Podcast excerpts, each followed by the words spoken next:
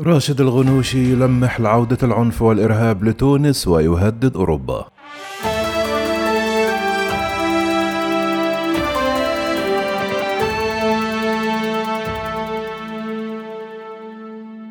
لمح زعيم حركة النهضة التونسية راشد الغنوشي الجمعة إلى عودة العنف والإرهاب إلى تونس إذ لم يتراجع الرئيس قيس سعيد عن قراراته.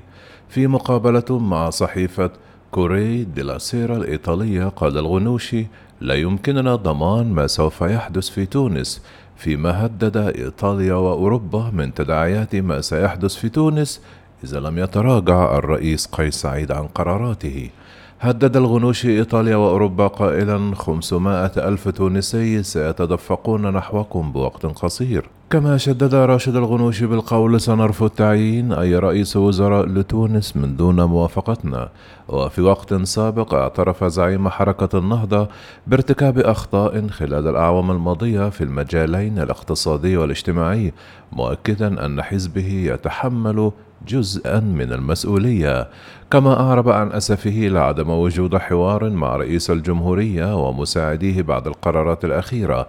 إلى جانب ذلك أكد الغنوشي استعداده لتقديم أي تنازلات إذا كانت هناك عودة للديمقراطية داعيا إلى إجراء حوار وطني في البلاد.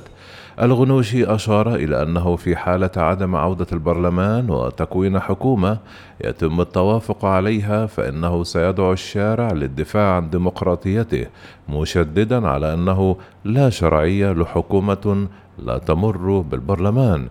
وبالتزامن مع فتح القضاء التونسي تحقيقا بشأن الاشتباه في تلقي حزب النهضة أموالا من الخارج خلال الحملة الانتخابية عام 2019 دعت هيئة الدفاع عن المعارضين شكري بالعيد ومحمد البرهامي الرئيس التونسي قيس سعيد إلى فتح تحقيقات ضد كل من الجهاز السري لحركة النهضة المتورط في الاغتيالات السياسية ورئيسها راشد الغنوشي وأمواله المشبوهة بعدما أصبح مسؤولا عن النيابة العمومية. وقالت الهيئة في مؤتمر صحفي أنها تساند قرارات الرئيس قيس سعيد وتعتبر أن ترأسه للنيابة العمومية قرار قانوني وطلبت منه النظر في الشكايات حول الجهاز السري لحركة النهضة وآلاف قضايا الإرهاب الموجودة على الرفوف التي لم ترى النور وتم تعطيلها بعد سيطرة الحركة على جهاز القضاء.